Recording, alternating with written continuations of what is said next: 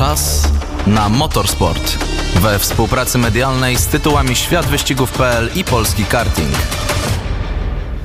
Dobry wieczór, a dzisiaj audycja Czas na Motorsport w barwach zielono-żółtych, w barwach zespołu Inter Europol Competition. Członkowie tego zespołu, kierowca Jakub Śmiechowski i koordynator Aleksander Jerzewski w studiu Radia Wnet, a to przecież polski zespół, który sięgnął w tym roku po zwycięstwo w legendarnym 24-godzinnym wyścigu w Lemą w klasie LMP2. Dziś także o fenomenalnym weekendzie Kacpra Sztuki. Sześć zwycięstw z rzędu we włoskiej Formule 4 ma już Kacper Sztuka i objął, objął prowadzenie. Przed nami ostatnia runda na Wale Lundze. Ściskamy kciuki, by nasz młody, 17-letni kierowca z Cieszyna sięgnął po tytuł mistrzowski we włoskiej Formule 4. Audycję zaczynamy jednak od rajdów. Rajd Chilem ciekawy, zwycięstwo nietypowe. Ojt Tanak drugie w tym sezonie zwycięstwo byłego mistrza świata z Estonii. Audycja Czas na Motorsport. Zapraszają na nią. Piotr Nałęcz, witam serdecznie. I Kamil Kowalik, dobry wieczór, a naszym gościem dziennikarz i dyrektor zarządza zarządzający Motowizji Gabriel Borowy. Dobry wieczór Gabrielu, cześć, witamy serdecznie. Cześć Kamil, cześć Piotrek, miło Was słyszeć i witam wszystkich słuchających.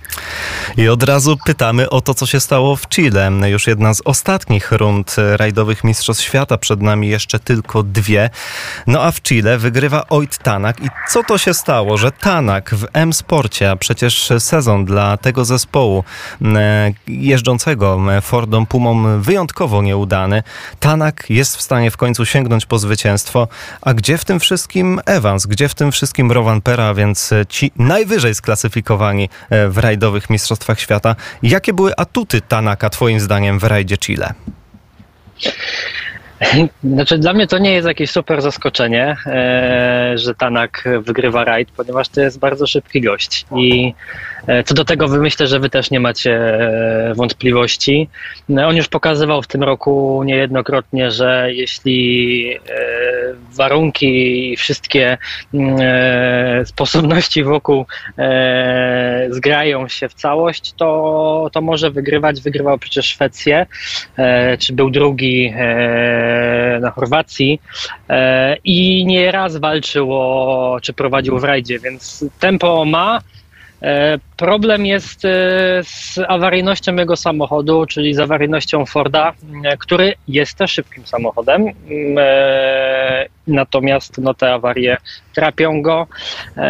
Niemniej, kiedy wszystko się zgrało na przecież niełatwym rajdzie i na rajdzie, który był mocno wymagający również od samochodów, zresztą trudno powiedzieć, żeby którykolwiek rajdów Mistrzostw Świata nie był wymagający, ale, ale ten rajd był naprawdę, naprawdę ciężki i no, tak jak nawiązałeś do Evansa czy do Rovanpery, ale, ale to przede wszystkim też Evans na tych kapciach kończył jeden z odcinków specjalnych i e, no, trzeba tutaj było trochę takiej przebiegłości, trochę m, takiego wyczucia e, cwaniactwa w pozytywnym sensie. Tanak to ma, więc jeśli tylko ma czym jechać, to, to na pewno zawsze walczy o wygraną. No i miał czym jechać do końca w rajdzie Chile, natomiast wobec tego i wobec tych plotek, które się pojawiają, jakoby Oit Tanak mógł przejść do Hyundai'a, ponieważ jest, no nie ma się z czemu dziwić, nie do końca zadowolony z dyspozycji swojego zespołu, z tego jak awaryjne są samochody M-Sportu. Czy myślisz, że jednak ta wizja jest no, nie do końca realna, że jednak Tanak zostanie w, M-Sporcie, czy ten Hyundai jednak jest kuszący? To jest pytanie, na które nie mam pojęcia, jak odpowiedzieć. To jest bardzo trudne pytanie. Tanak, no, zwiedził już wszystkie fabryki aktualnie uczestniczące i, i pasowałoby, żeby była jakaś czwarta pewnie, w której by się znając życie szybko znalazł. Ja powiem szczerze, to też jest związane z tym, że, że, że jestem takim dość mocno związanym z naszym krajem człowiekiem i, i zawsze dopinguję naszych przede wszystkim, więc cieszy mnie to, że M-Sport ma oddział w Polsce pod Krakowem w Balicach, więc ja zawsze trochę bardziej gdzieś kibicuję temu, temu, temu M-Sportowi i, i wierzę w to, że oni I wiem o tym, że oni są w stanie dać naprawdę dobry samochód. Kwestia jest tego, że no gdzieś tam coś coś jest, jakiś, jakiś element układanki nie do końca potrafi się zgrać, no i, no i stąd te problemy, ale, ale nie, szczerze mówiąc, chyba osobiście bym się nie spodziewał przesiadki, nie spodziewam się osobiście przesiadki gdzieś Tanaka, ponieważ no, te pozostałe zespoły są bogato obsadzone i a chętnych na fotel w, w Toyocie, w Hyundaiu i też w M-Sporcie no, jest dość sporo. No, Tanak zna te pozostałe marki, jednak one nie podjęły najlepszej decyzji strategicznej w ten weekend, no bo Hyundai postawił w sobotę bodajże na mieszankę twardo-miękką ogumienia. Trójka z Toyoty z kolei postawiła na mieszanki miękkie i okazało się to fatalną decyzją dla nich. No i właśnie pytanie stąd e, moje, czy kluczem do zwycięstwa była strategia oponiarska? E, to właśnie, że Tanak zdecydował się pojechać od soboty na tych twardych mieszankach Pirelli? No to był klucz do zwycięstwa, bo myślę, że to zaważyło też na tym, że, że no potem się trudno jedzie, jak, jak się dojeżdża z, z dwoma kapciami i to też rozbija, tak sądzę, gdzieś głowę w środku. Ja jestem oczywiście tylko teoretykiem, e, pomimo tego, że gdzieś startowałem w jakichś amatorskich rajdach, to, to, to, to, to jest zupełnie co innego niż taki poziom, więc ja teoretyzuję. Natomiast e, na pewno to, to miało duże znaczenie, ale sam Tanak mówił dzień wcześniej, kiedy wy, wybierali opony, e, że jak, jak już zobaczył rano, e, że wszyscy postawili na miękkie, e, to był trochę zdziwiony i zastanawiał się, co jest nie, nie tak, bo sam nie do końca był przekonany słuszności tego wyboru. I, I tu pamiętam, że powiedział takie słowa, że no ktoś tutaj popełnił błąd ktoś. E, nie był pewien, czy to, czy to on popełnił błąd, czy, czy, czy, czy konkurencja.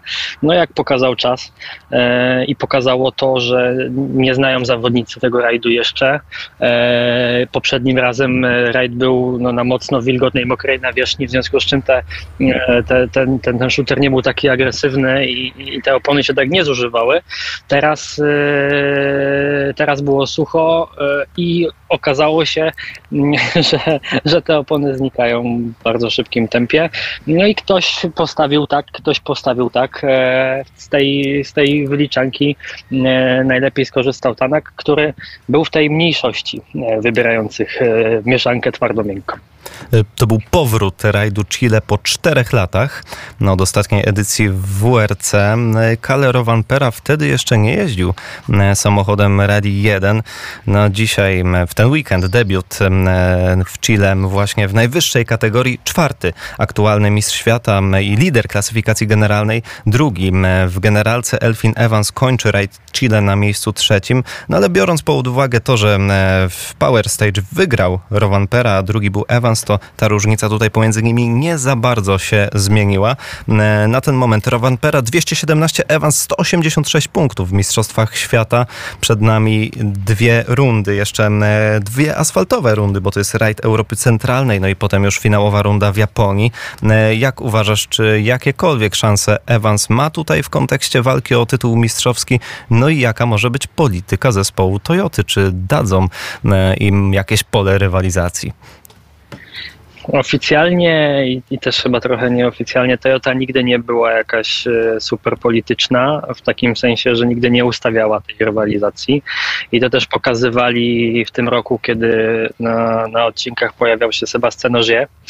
E, I, no i bezpośrednio konkurował z Rovanperą, pomimo tego, że były to w cudzysłowie gościnne występy, no to zabierał mu te zwycięstwa i zabrał mu no, trzy zwycięstwa tak naprawdę, e, a mógł je gdzieś tam oddawać po drodze. Nie robił tego, więc y, na takie jakieś roszady na koniec dnia bym się chyba nie martwił w przypadku Toyoty, co innego w przypadku Hyundai'a oczywiście, ale to klasyk.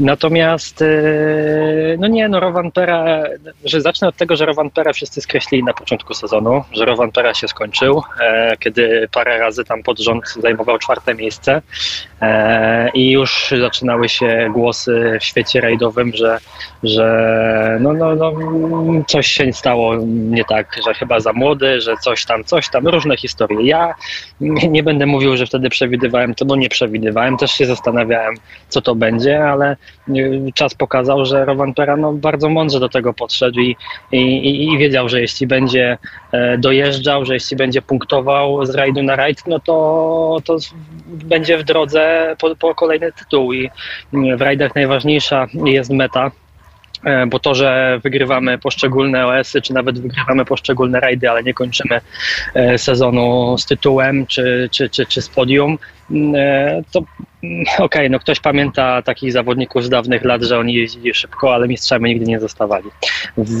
Według mnie liczy się to, co jest na końcu, czyli, czyli tytuł. No, y, był to też rajd, w którym mieliśmy oczywiście polski wątek, no bo załoga Kajetana Kajetanowicza i Macieja Szczepaniaka była w Chile i ścigała się. Niestety ten rajd zakończył się dla nich bardzo pechowo. Ekipa, która przed niedzielą zajmowała piąte miejsce w WRC 2 na pierwszym niedzielnym OS-ie niestety w Szkodzie doszło, w Skodzie doszło do podwójnego przebicia opony i etap, y, co prawda, y, dokończyli, jednak potem nie zniosło tego zawieszenie. Gabrielu, jaki to był weekend do momentu właśnie tego pechowego zdarzenia dla polskiej załogi? E, pierwsze zacznę z innej troszkę strony, bo widziałem się z Kajetanem godzinkę temu dosłownie.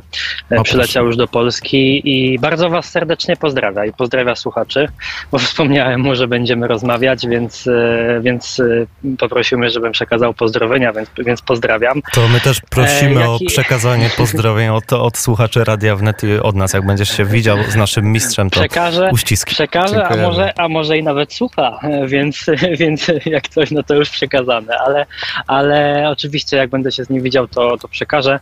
Jaki to był weekend? E, to był weekend trudny, to był weekend e, gdzieś, e, o którym Kajto myślę, myślę, przypuszczam, że pamiętał rajd Chile sprzed kilku lat, na którym się nie pojawił ostatecznie. Akurat miałem przyjemność i być z nim na rajdzie Argentyny, potem mieliśmy jechać na rajd Chile te parę lat temu. E, awaria zawieszenia nomen, nomen, w polówce kilka lat temu zaprzepaściła e, to.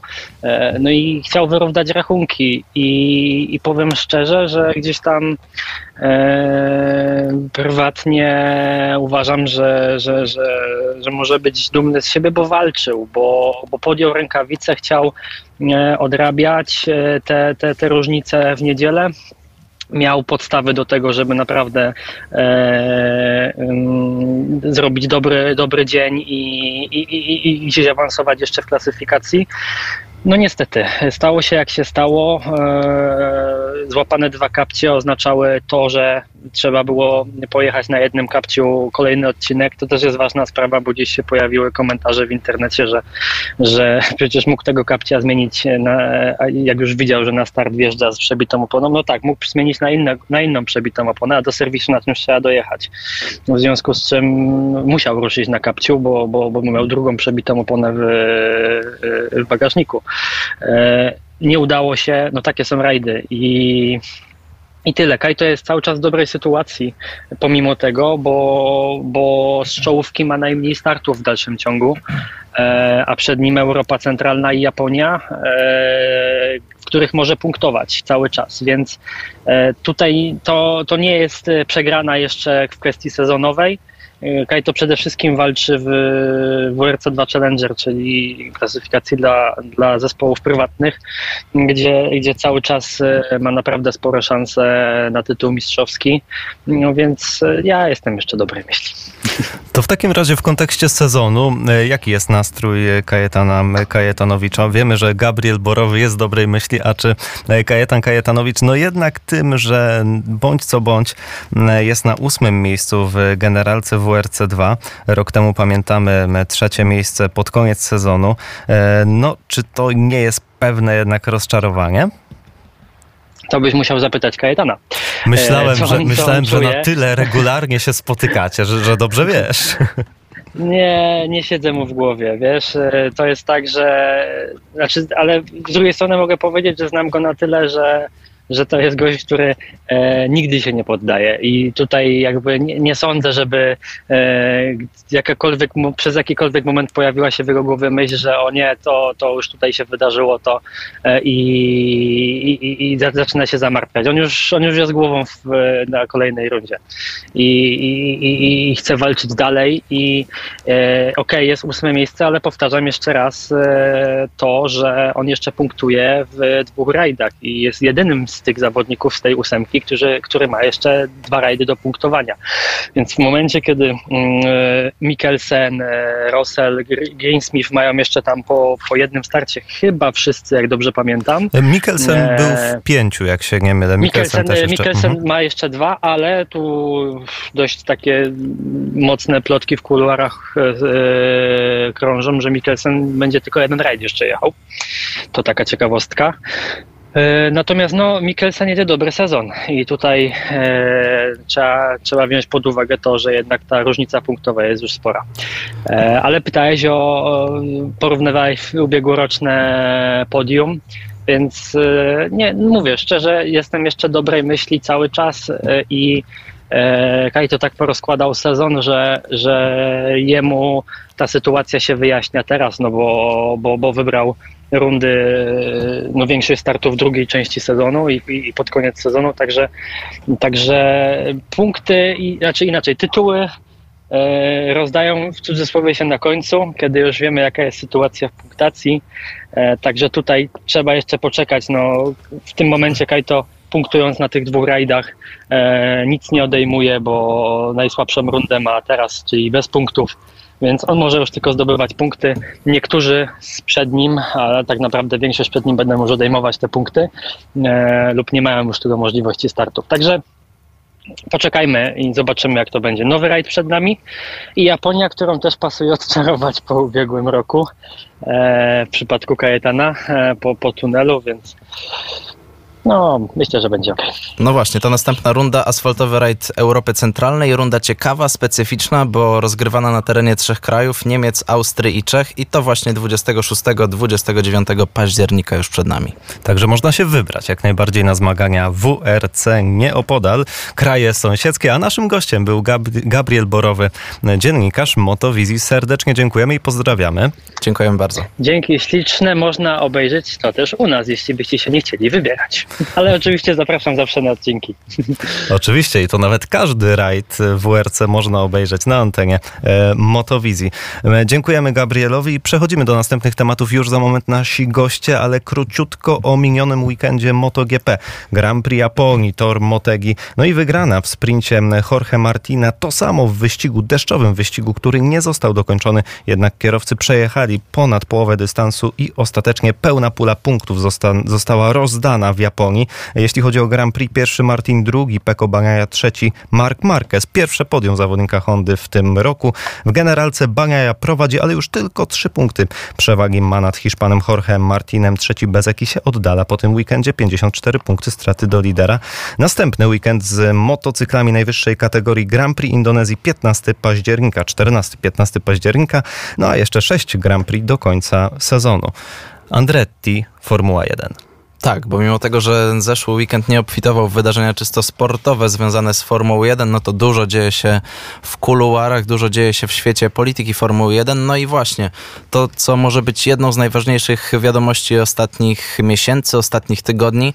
E, od wielu, od dłuższego czasu zastanawiamy się, czy jest możliwy ten jedenasty zespół w Formule 1, jedenasty, a może nawet dwunasty. Okazuje się, że wczoraj, czyli w poniedziałek FIA poinformowała o wynikach wielomiesięcznych analiz do drugiej e, fazy tego procesu zgłaszania się przeszły, przeszły cztery zgłoszenia, cztery propozycje, natomiast ostatecznie zatwierdzono jedynie wniosek od Andretti Formula Racing LCC, e, czyli podmiotu zgłoszonego przez Michaela Andrettiego wraz z, marką Cadillaca, bo jak wiemy Mark, Michael Andretti jest wspierany przez koncern e, General Motors. No i co mówił, jaki był oficjalny komunikat zespołu tej grupy?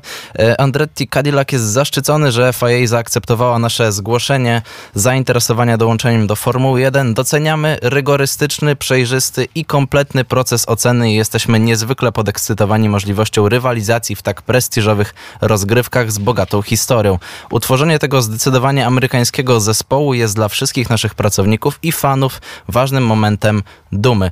Tak brzmiało oficjalne oświadczenie podmiotu Andretti Cadillac, także Andrettiemu e, gratulował, co ciekawe, Mohamed Ben Sulayem, czyli prezydent Federacji FIA, mówiąc, że e, grupa Andretti to właśnie jedyny podmiot, który spełnił wszystkie ustalone kryteria selekcji e, w tych ważnych aspektach, jakie były brane pod uwagę teraz przed y, Andretti Cadillac chyba najważniejszy sprawdzian, no bo to, że dostaną aprobatę FIA to mogło mm, być do przewidzenia. Andretti buduje fabrykę, w której chce budować i bolidy Formuły 1 i IndyCar i nawet y, mm, samochody długodystansowe.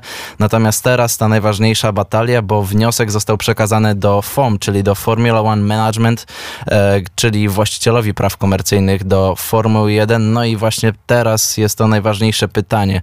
Czy ostatecznie po wielu miesiącach dyskusji zespoły Formuły 1 będą chciały dopuścić jeszcze kogoś do e, tego urodzinowego tortu, czy jednak pozostaną przy tym, aby dzielić zyski na 10, a nie na 11 części.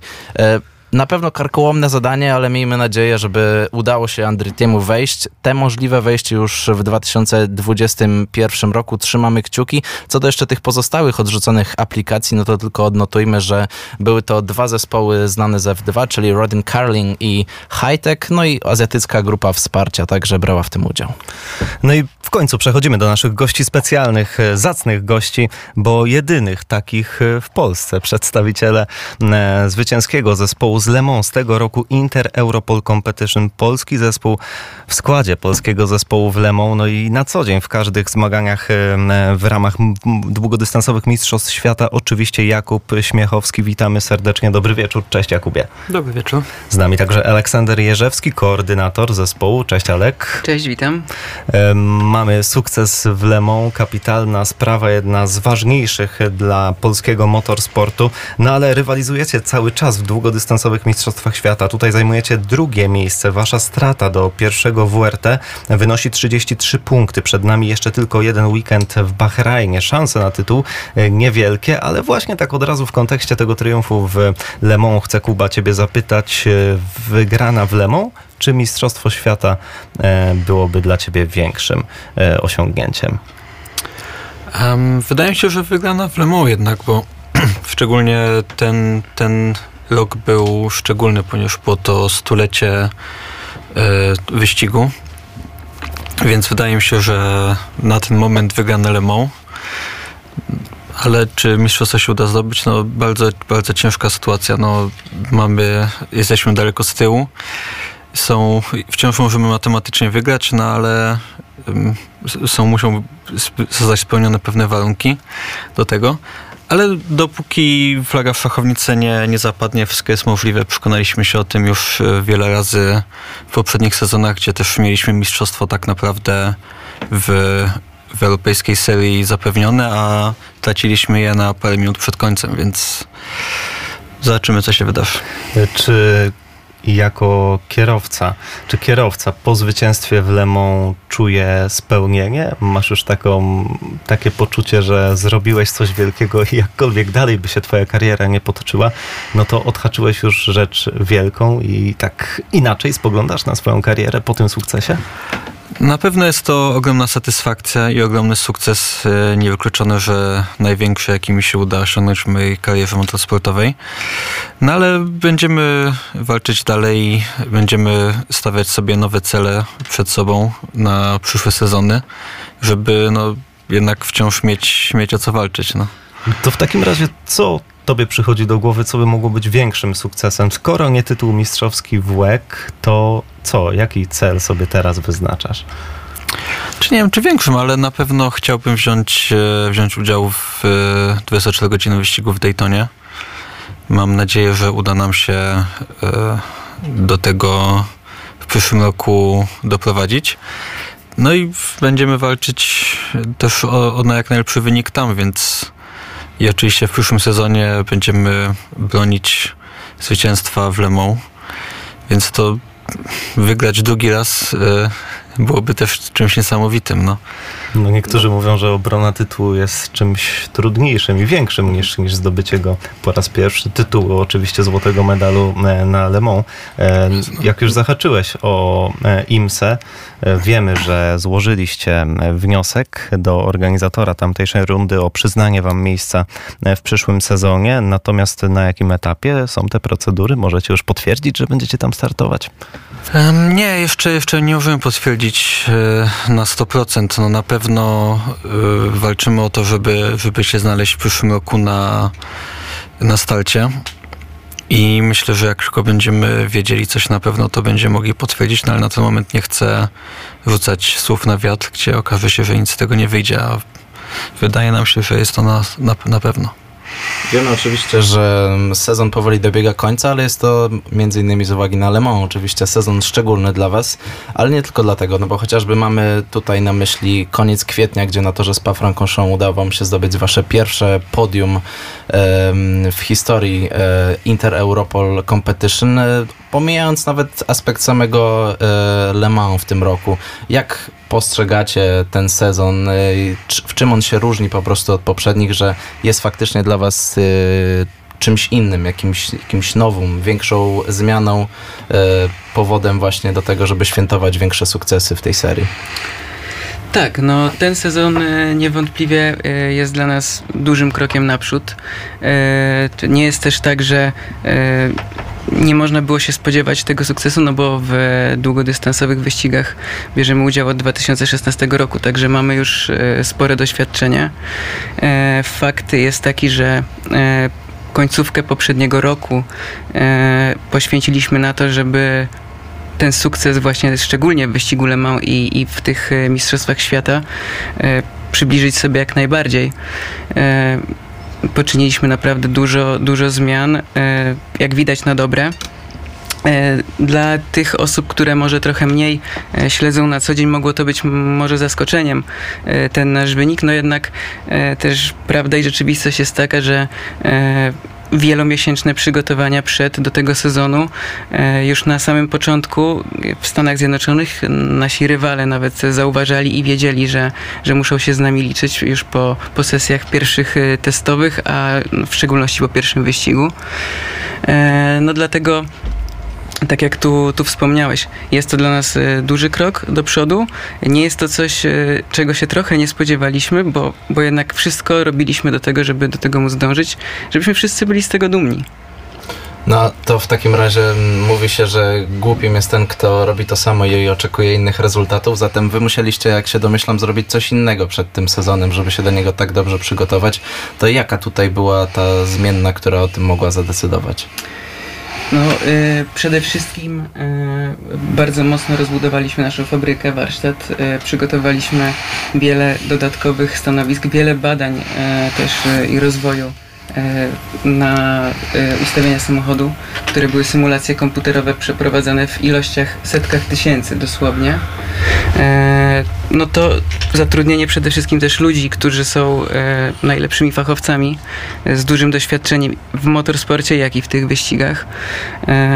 Dlatego no to myślę było takie kluczowe. Przede wszystkim e, ludzie, zaangażowanie, e, no i też inwestycja za tym idąca. No i słychać, że to nie jest kwestia czegoś jednorazowego, to jest praca przez lata. Mamy kierowcę Jakuba Śmiechowskiego w studiu, który jest też szefem e, zespołu Inter Europol Competition. Kuba, jak to wygląda? Czy polski zespół ścigający się w długodystansowych mistrzostwach świata w klasie LMP2 różni się pod kątem profesjonalizmu jakkolwiek od, od innych zespołów, czy my po prostu mamy polski zespół spod Warszawy, który jest y, na topie? Nie powiedziałbym, że się różni tak naprawdę. No też y, bardzo dużo, tak jak Alek mówił, bardzo dużo inwestowaliśmy w ten sezon.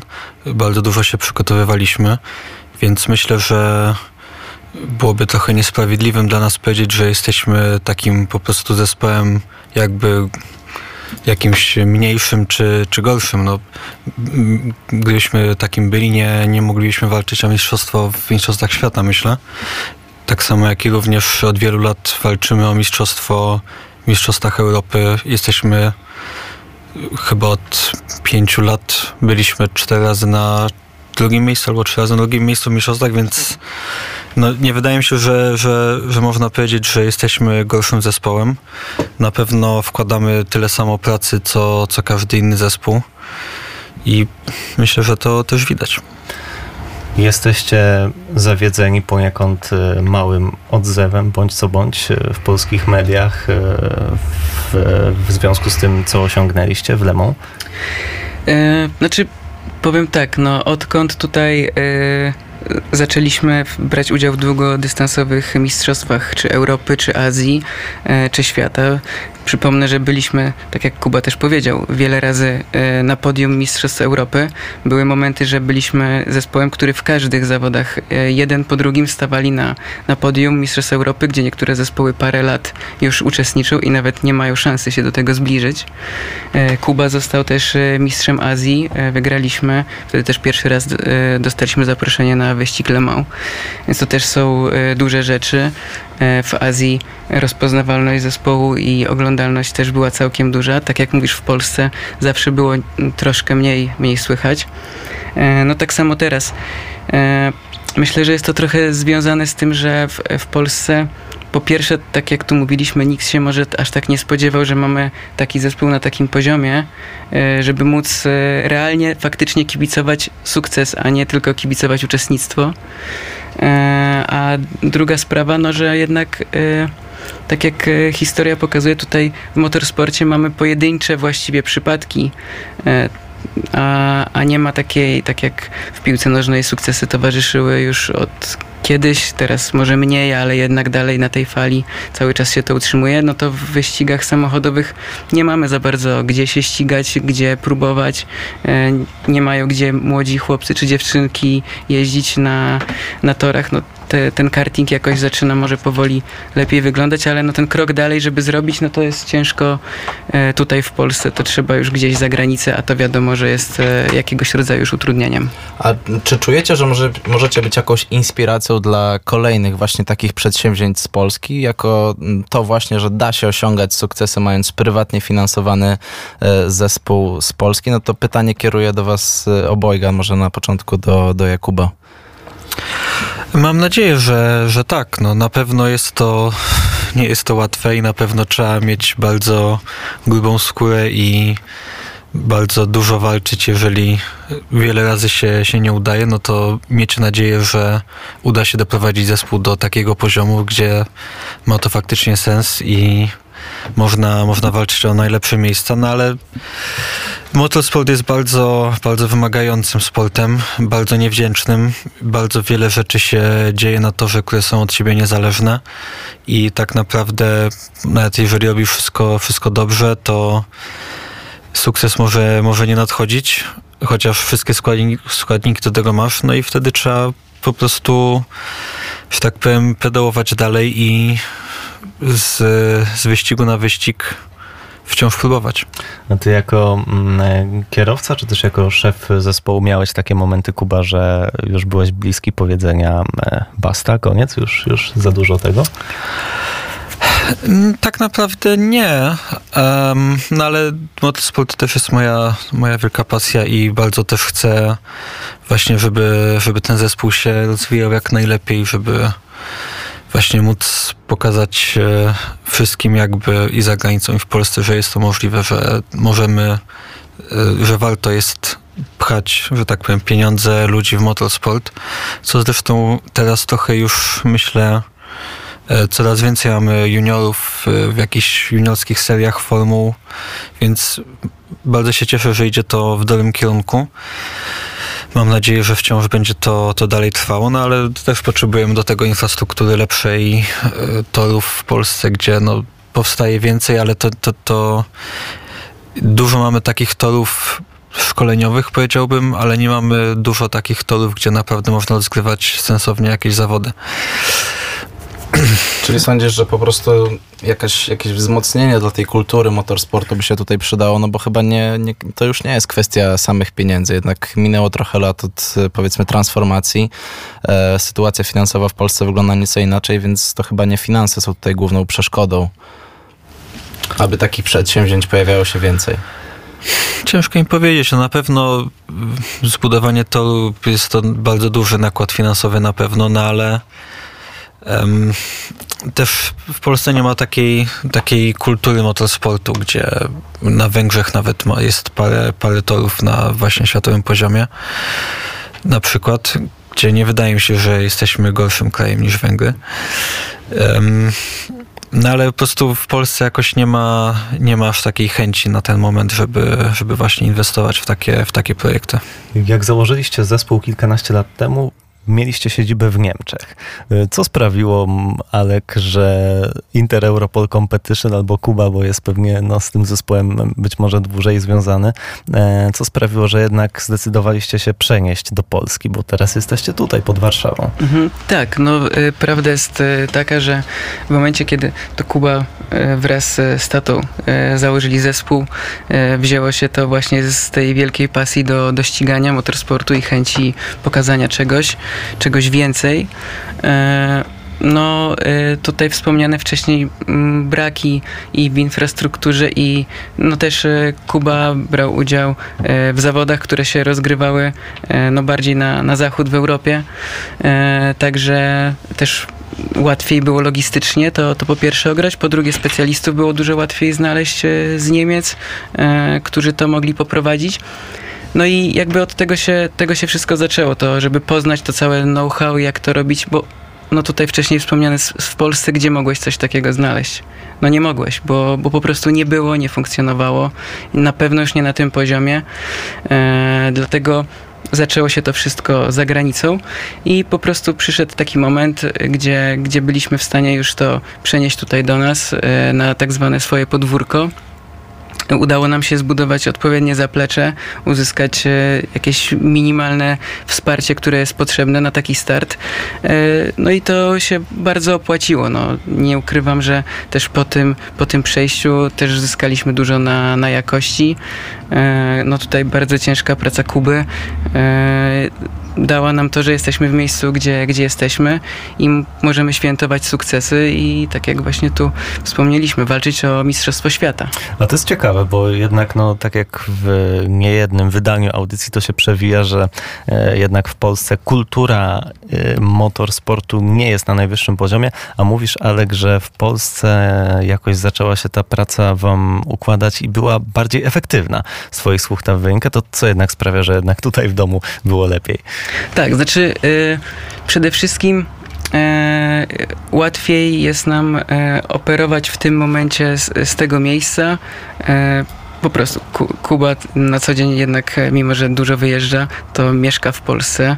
E, ja tutaj też, więc możemy na co dzień łatwo być e, na miejscu, nie zaniedbując tak bardzo naszych rodzin, co jest kluczowe, bo życie takiego człowieka, który pracuje w motorsporcie, wszyscy muszą sobie zdać z tego sprawę, polega w 80% na wyjazdach poza domem, bez znajomych, przyjaciół, rodziny. No więc każdy ten czas musi być w 100% jakoś e, wypełniony. E, to, że e, przenieśliśmy się tu i daje nam też lepsze wyniki, to też to jest składa się z wielu rzeczy, bo to nie jest tylko to, że przenieśliśmy się z A do B i jest lepiej, tylko przez to, że wyrobiliśmy sobie markę na arenie międzynarodowej i nie jesteśmy już małym prywatnym zespołem, tylko jesteśmy zespołem liczącym się w stawce z kilkoma samochodami ścigających się w każdych rundach Mistrzostw Świata, Europy czy Azji, e, powoduje to, że też najlepsi specjaliści, czy mechanicy, czy inżynierowie też chcą u nas pracować, bo widzą ten potencjał. Także to wszystko to są takie puzzle, które się tam składają e, i nam się udało w tym momencie to jakoś e, złożyć do kupy. No, został tutaj wcześniej chyba wspomniany tata Jakuba, czyli pan e, Wojciech Śmiechowski. E, powiedz Jakub, jak się układała ta wasza relacja prowadząca właśnie do e, współpracy przy zespole długodystansowych wyścigów? Skąd ten pomysł, inicjatywa, zaszczepienie tej pasji do motorsportu? E, tak, znaczy no na pewno pasję przejąłem od, od taty, który w młodzieńczych latach ścigał się, się w Polsce maluchami w rajdach. Więc jakby motorsport był u mnie w życiu obecny od, od małego i zawsze się tym interesowałem. Więc no, no tak, no wiadomo, zespół, na samym początku zespół powstał po to, żebym jakby ułatwić mi ściganie się, ale to ewolu- ewoluowało znacznie i w tym momencie ja jestem już tylko jakby członkiem zespołu i tak naprawdę pracujemy teraz dla dużo większej ilości osób niż, niż pracowaliśmy na początku. Więc to jest. e, No tak jak mówię, zespół jest teraz już zupełnie, zupełnie inną działalnością niż, niż był na początku. W tym momencie, jak przyszliśmy na wyścigi długodystansowe, to musieliśmy też trochę zmienić podejście i musieliśmy rozszerzyć naszą, naszą działalność. A wcześniej jaka była twoja droga przed wyścigami długodystansowymi? Jakie serie, jak e, to się rozkręcało u ciebie? Czy zaczynałem od, od kartingu, wiadomo, jak e, myślę większość teraz sportowców, którzy ścigają się w e, wyścigach, wyścigach. Z tym, że zacząłem całkiem późno, bo w wieku 15 lat, no więc e, miałem bardzo skróconą ścieżkę, potem Formuła Renault, jakieś pomniejsze, pomniejsze serie troszeczkę mocniejszymi samochodami. Tak naprawdę takim kluczowym właśnie momentem było przejście w ten świat wyścigów długodystansowych. Jesteś e, kierowcą z tak zwaną licencją srebrną. E, U was w klasie LMP2 w długodystansowych mistrzostwach świata e, musi być przynajmniej jeden kierowca z licencją srebrną, czy w każdym razie jeden ze srebrną, a potem już dwaj pozostali to kierowcy obojętnie, czy platynowy, czy złoty. A jaka jest szansa u ciebie, czy jest jakaś możliwość w ogóle awansu z takiej licencji srebrnej na złotą? Jak to się dokonuje? Jakie są warunki? Warunki są po prostu takie, że, że trzeba być szybkim. Na ten moment nie, nie widzę możliwości, żebym mógł awansować na, na wyższą kategorię. W tym momencie jest to też e, uczestniczę w wyścigach jedynie w te 7 razy w roku, a pomiędzy zajmuję się tylko zespołem, więc też nie mam czasu na, na ciągłe jeżdżenie, tak jak wielu kierowców, dla których jest to sposób życia, sposób zarabiania. Dla mnie jest to bardziej coś, co robię tylko w określonym czasie, a resztę swojego wysiłku poświęcam właśnie na, na rozwój zespołu i na codzienne działanie. No tak, tylko z jednej strony twoje czasy tak naprawdę nie odbiegają aż tak bardzo od e, kierowców, z którymi jeździsz w zespole. Mówię tutaj o Fabio Szererze i Feliksie A teoretycznie oni właśnie mają... e, Albercie. A, Albercie, przepraszam. E, A teoretycznie oni mają wyższe licencje. W związku z tym, czy to jest kwestia nazbierania odpowiedniej ilości punktów do superlicencji? I Jakie, są tutaj drogi generalnie potencjalne dla ciebie? e, znaczy tak naprawdę, czy ktoś zostanie przyznany, inna kategoria decyduje o tym panel jakiś wyborczy FIA, na czym oni od, dokładnie opierają swoje decyzje, ciężko im powiedzieć, ale bardzo, bardzo wątpię, żebym został zupgrade'owany do innego poziomu. E, W każdym razie mamy jeszcze m, kierowców z licencją brązową. To są już e, no, gentleman drivers, jak to się ich nazywa. To są e, kierowcy nieco starsi. No i właśnie tutaj mamy takie rozwiązanie, chociażby w tych właśnie wyścigach długodystansowych, że mają szansę. E, Tacy ludzie, niekoniecznie zawodowie, zawodowo związani z motorsportem, mają szansę wziąć udział w wyścigach, mierzyć się z innymi zawodowymi kierowcami. Inter Europol Competition taką szansę daje. E, Jesteście takim zespołem otwartym na ludzi właśnie, którzy przychodzą z zewnątrz i spełniają jakieś warunki. Jak można mm, wejść tak do Interu? Znaczy, e, tak e, tutaj ciekawie bardzo, bardzo zadałeś pytanie. My e, w tym momencie, w tej skali zespołu, w której jesteśmy i z tą marką i renomą, którą udało nam się wyrobić, musimy też dbać cały czas o, o nasz wizerunek, więc e, no to, to nie jest tak, że z ulicy ktoś, kto ma jakąś, e, jakiś pokaźny budżet może wejść i powiedzieć, no to ja dzisiaj chcę na żółto-zielonym samochodem jeździć i, i to na pewno wygram, bo wygrywają. No nie, mamy też e, przed sezonem, tak jak teraz już się zaczyna koniec tego sezonu, jest tak naprawdę e, początkiem e, przygotowywania się do następnego już sezonu. E, Mamy e, kandydatów, oni się do nas zgłaszają, czy ich menadżerowie się do nas zgłaszają. E, Jest prowadzona analiza.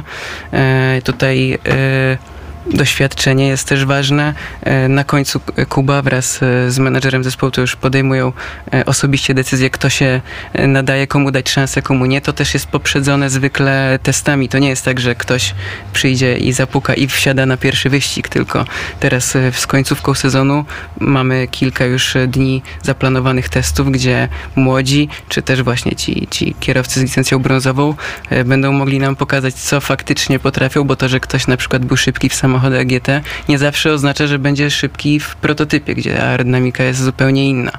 Dlatego to no musi, wszystko musi być e, dobrze dobrane i tu najczęściej e, właśnie już jest e, głowa w tym, w tym Kuby, czy, czy właśnie tam wraz z, z menedżerem dobierają zespołu, dobierają takie mieszanki, takie kombinacje w każdym samochodzie, a samochodów co najmniej sześć mamy, które się, które się ścigają, więc każdy trzech kierowców lub co najmniej dwóch. Tego możliwości jest wiele, trzeba teraz to wszystko tak zrobić, żeby się mm, i wynik zgadzał i, i nie tylko wyniki biznes też się zgadzał. Ale rozumiem, że jest tutaj jakaś taka wewnątrz zespołowa drabinka najpewniej, bo wystawiacie samochód w LMP4, LMP3, LMP2 właśnie, czyli jest jakaś na pewno opcja awansu po prostu do, do wyższych serii, wyższych kategorii. Tak, powiedzmy. no oczywiście to jest tak jak e, m, przykład możemy podać e, z zeszłego e, roku, kiedy kierowca, e, który zdobył e, u nas e, w klasie LMP3 Wicemistrzostwa Europy z licencją właśnie srebrną, E, przepraszam, brązową. E, w Azji jechał u nas samochodem już LMP2, e, gdzie też, no, niestety trochę pechowa seria, ale jakby samochód był szybki i wygrywaliśmy i pole position i, i wyścigi, więc no to na przykład jest przykład tego, co, co wspomniałeś. Mm, Inter Europol Competition, zwycięzcy z Le Mans, ale zespół ma e, o kapitalnej formie dyspozycji tego zespołu świadczą nie tylko rzeczy czysto sportowe i wyniki, ale też otoczka. Jak dużo zawodników zgłasza się do Was e, teraz w WEC-u, czy to w LMS? No w WEC-u niekoniecznie, no bo niestety ta klasa LMP2 już w przyszłym roku nie będzie brała udziału w pełnym cyklu mistrzostw, będzie w Le Mans. No jak to wygląda? Jak duże jest zainteresowanie Kuba z perspektywy szefa zespołu? Y, dużo się zmieniło po sukcesie w Lemą? Tak, znaczy z każdym rokiem zainteresowanie rośnie na szczęście i w tym roku jest większy niż było w zeszłym roku, więc y, idzie to wszystko w dobrym kierunku.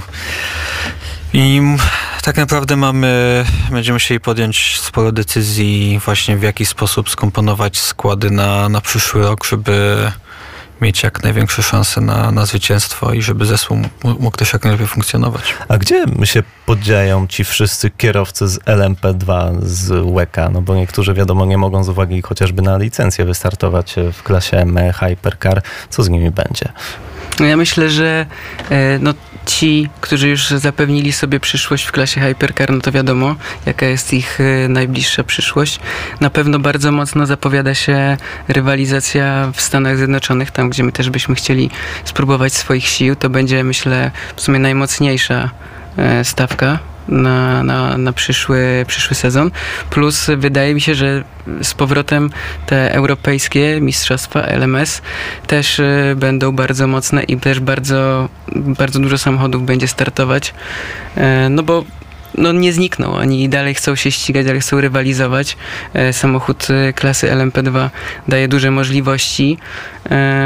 No więc nie, nie może to tak być po prostu starte i, i zastąpione czymś zupełnie innym. No ale na, na, kierowcach nie tylko jest zespół zbudowany. Wcześniej o tym rozmawialiśmy, jak właśnie wasz zespół się rozrastał, więc e, e, chciałbym spytać w zasadzie, ile liczy teraz zespół Inter Europol Competition? Ile tam jest inżynierów, mechaników? Jak duża to jest generalnie grupa operacyjna, że tak to ujmę? Ogólnie e, na co dzień, tak jak e, w fabryce, no to jest to e, około 30 osób, które są generalnie zaangażowane w, w codzienne prace, e, przygotowania.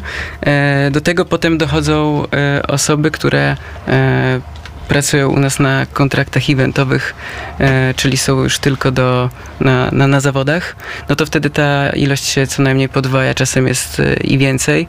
E, taki jak przy okazji takiego wydarzenia jak Le Mans, no to 70 osób, które które próbują to wszystko dopiąć. To jest taki, tak co najmniej, co, co w tym roku bodajże mieliśmy. To już jest przedsięwzięcie. Tak, tak, no osób, mówię, jest jako, jako biznes, to zatrudniasz parę dziesiąt osób i musisz też to mieć na uwadze, nie możesz sobie pozwolić na, na błędy w zarządzaniu. No a tak właśnie, na, na co dzień w fabryce to między 20-30 osób one zawsze nam pomagają od, od mechaników po, po ekipy techniczne, no to ludzie cały czas mają pracę. Wiemy, że Inter Europol Competition, drodzy Państwo, nie tylko słynie z szybkości na torze, ale także ze świetnego cateringu. Co w tym Waszym cateringu jest takiego wyjątkowego? No y, to właśnie czasami się staramy y, rozszyfrować, ale no wszystko wskazuje na to, że y, Ekipa cateringowa jest y, doskonała, za co należą im się wielkie podziękowania. I najwyraźniej y, w Europie, jak i na świecie. E, polska kuchnia, bo mamy ekipę z Polski do, do cateringu, e, bardzo się sprawdza i bardzo wszystkim smakuje, więc myślę, że możemy być jako Polacy z tego dumni, bo to jest e, coś ciekawego i może nawet było trochę niespodziewanego, ale faktycznie ta opinia się już od paru lat przewija, że, że najlepszy catering jest właśnie zawsze u nas. Jak już zwyciężać, to na każdym polu po prostu. Wpłynęło to na decyzję któregoś z waszych kandydatów na kierowcy, a, a mamy to, zobacz, jakie mamy catering, może jednak u nas nas wybierzesz? No, y, powiem tak, nie wiem, czy wpłynęło y, na to, że, że akurat tutaj na ten catering, dlatego chcę tu. Myślę, że to była jedna z. Y, na pewno znam historię, że y, kierowcy byli niezadowoleni z obsługi zespołów i rezygnowali przez takie właśnie czasem głupie rzeczy, ale to właśnie Pewnie ci wcześniej wspomniani brązowi kierowcy. Najgorzej. No nie wiem, nie wiem. Nie, już nie chcę tam wnikać. To Dlatego się przenieśli do Polski. może, może, dokładnie. Jest lepiej, no wszyscy dobrze, jak dobrze zjesz, to też dobrze pracujesz i Inter Europol podstawa. Competition jedzie do przodu. No też pamiętamy Inter Europol, to oczywiście mm, e, jesteście e, marką największym producentem pieczywa w Polsce? To nasz e, tytularny sponsor, Kuba może powie więcej. Nie, no, tak, znaczy no, ogólnie jesteśmy chyba największym, jednym z największych producentów e, w Polsce właśnie pieczywa. Także no tak. właśnie. Tak. I nazywacie się dzięki temu turbopiekarze na najwięksi i najszybsi.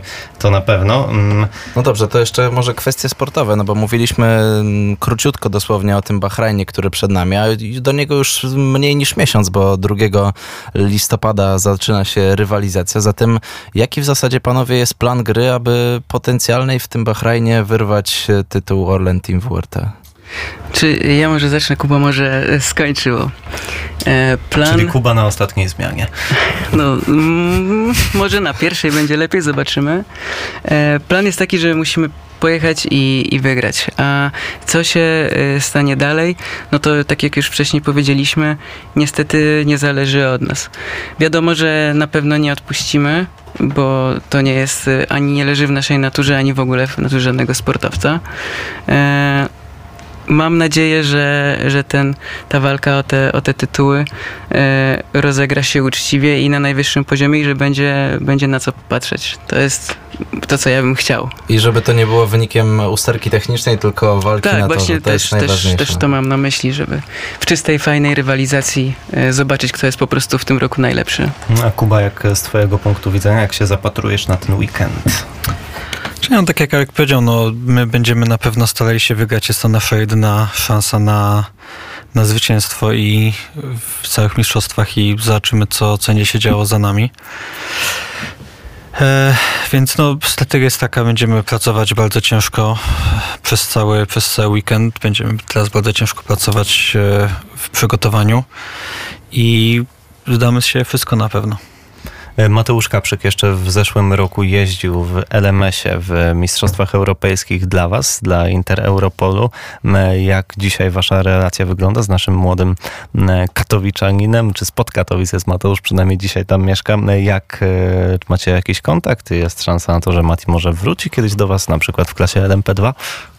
Czy no z, z Mateuszem cały czas myślę, że mamy bardzo dobre, pozytywne e, relacje. Akurat w tym sezonie jesteśmy rywalami na torze, ale jesteśmy nadal, myślę, znajomymi poza nim. E, Często na każdym wyścigu właściwie e, rozmawiamy, e, żartujemy, wymieniamy się serdecznościami. Pozdrawiamy Mateusza też. E, Życzę mu wszystkiego dobrego. E, Także nigdy nie wiadomo, co przyniesie przyszłość. Może za rok, może za dwa. Życzymy mu jak najlepiej na pewno. E, Mamy kilku młodych polskich kierowców w seriach juniorskich bolidów jednomiejscowych.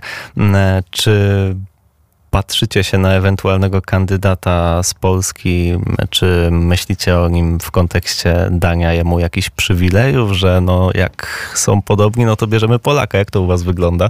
Narodowość ma znaczenie? Znaczy na pewno bardzo, bardzo by mnie cieszyło, jeżeli byśmy mieli polskich kierowców e, u nas w zespole. Zobaczymy, no wiem, że mamy bardzo dobrych juniorów w tym momencie i nie wiem do końca na ile są zainteresowani teraz wyścigami długodystansowymi, czy nie będą chcieli swoich e, sił prowadzić dalej w e, seriach fo- formuły, ale oczywiście jeżeli przyjdzie do mnie paru kierowców, e, a jeden z nich będzie Polakiem, to wydaje mi się, że raczej na pewno będę bardziej przychylnie patrzył w jego kierunku. A jak wygląda sytuacja e, innych podmiotów, e, zespołów polskich w sporcie motorowym? Gdziekolwiek mamy kogoś porównywalnego do Inter Europolu? Jeśli chodzi o polskie podwórko, że tak powiem, Tak. no ja e, szczerze mówiąc nie wiem, czy na taką skalę ktoś jeszcze działa e, w, taka, w takiej ilości i na tak międzynarodowym poziomie. No chciałbym, żeby ktoś, ktoś też na pewno próbował dobić do, do naszego poziomu, jeśli jeszcze tego nie robi. Jeśli kogoś e, nie znamy, no to przepraszam, chętnie poznam i, i fajnie by było móc e, współpracować i zawsze jest lepiej i raźniej mieć e, kogoś, nawet jeżeli to miałby być rywal, to jednak, żeby być tam razem, niż zawsze jesteśmy takim rodzynkiem, można powiedzieć, no bo z Polski to jest zawsze taki element, e, no nie chcę mówić egzotyki, ale no jest trochę jednak zaskakujący. Wiadomo, Wielka Brytania, Włochy, Francja czy Hiszpania, no to to są takie kraje, gdzie ten motorsport jest znany i zespoły e, stamtąd już mają tradycję. No z Polski, no to jesteśmy na razie najmocniejsi my w tych naszych e, kręgach.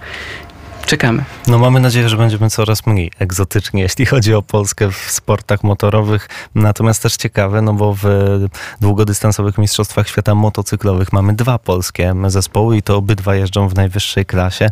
Jeśli chodzi o WEC, no mamy Inter Europol Competition, ale jaki za to? No, zwycięzcy legendarnego 24-godzinnego wyścigu w Le Mans. Jakub Śmiechowski, kierowca, szef tego zespołu, był dzisiaj z nami. Bardzo dziękujemy Jakubie. Dziękuję bardzo za zaproszenie. Aleksander Jerzewski, również dziękujemy serdecznie. Również dziękuję i z tego miejsca, jeśli mogę, bo nie mamy zbyt okazji, e, chciałem podziękować wszystkim, którzy nam pomogli w tym roku osiągnąć ten sukces.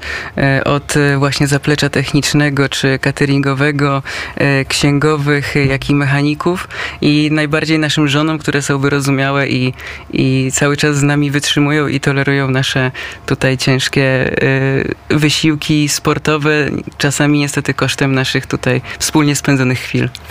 Pozdrawiamy w takim razie żony, rodziny i wszystkich, którzy my stworzą sukces Inter Europolu Competition, a my o sukcesie Kacpra Sztuki w ten weekend.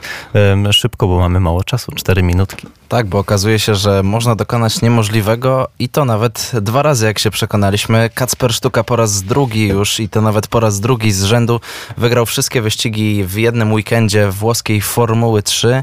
Ten weekend... e, osta- Cztery, cztery. Cztery. Ale, ale, ale może warto się rozpędzać. A, Oby, oby w przyszłym sezonie. W każdym razie to, o czym my teraz mówimy, to, było, to była właśnie runda e, szósta włoskiej Formuły 4, rozgrywana na toskańskim obiekcie na Mugello.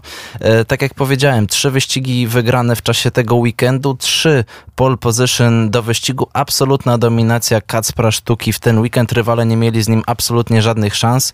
Przed tym weekendem on znajdował się na trzeciej pozycji w klasyfikacji kierowców. Przed nim był Ugo Ugo Czukwu, trzy punkty zaledwie, a na przodzie Arvid Lindblad, czyli do pewnego momentu rewelacja tego sezonu, ale od pewnego e, czasu łapie Brytyjczyk zadyszkę, no i niestety ta forma nie jest najlepsza i to sprawia, że w zasadzie ma problemy, aby dowozić podia.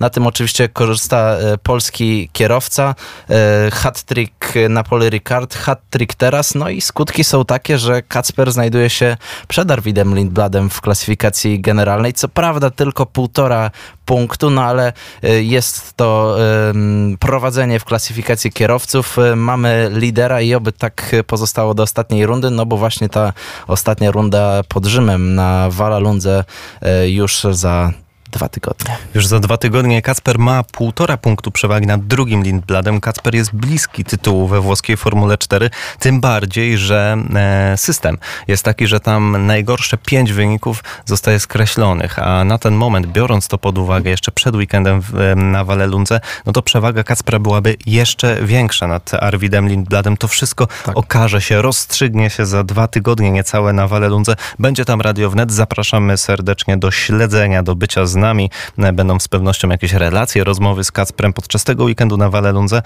Wszystko na antenie Radia Wnet. Zapraszamy serdecznie, ale nim to, to jeszcze posłuchajmy Kacpra, co miał do powiedzenia po tym hat-tricku, jak to mówisz. Już w sumie trzy zwycięstwa na Mugello i sześć zwycięstw z rzędu, bo wcześniej e, Paul Ricard, Kacper Sztuka.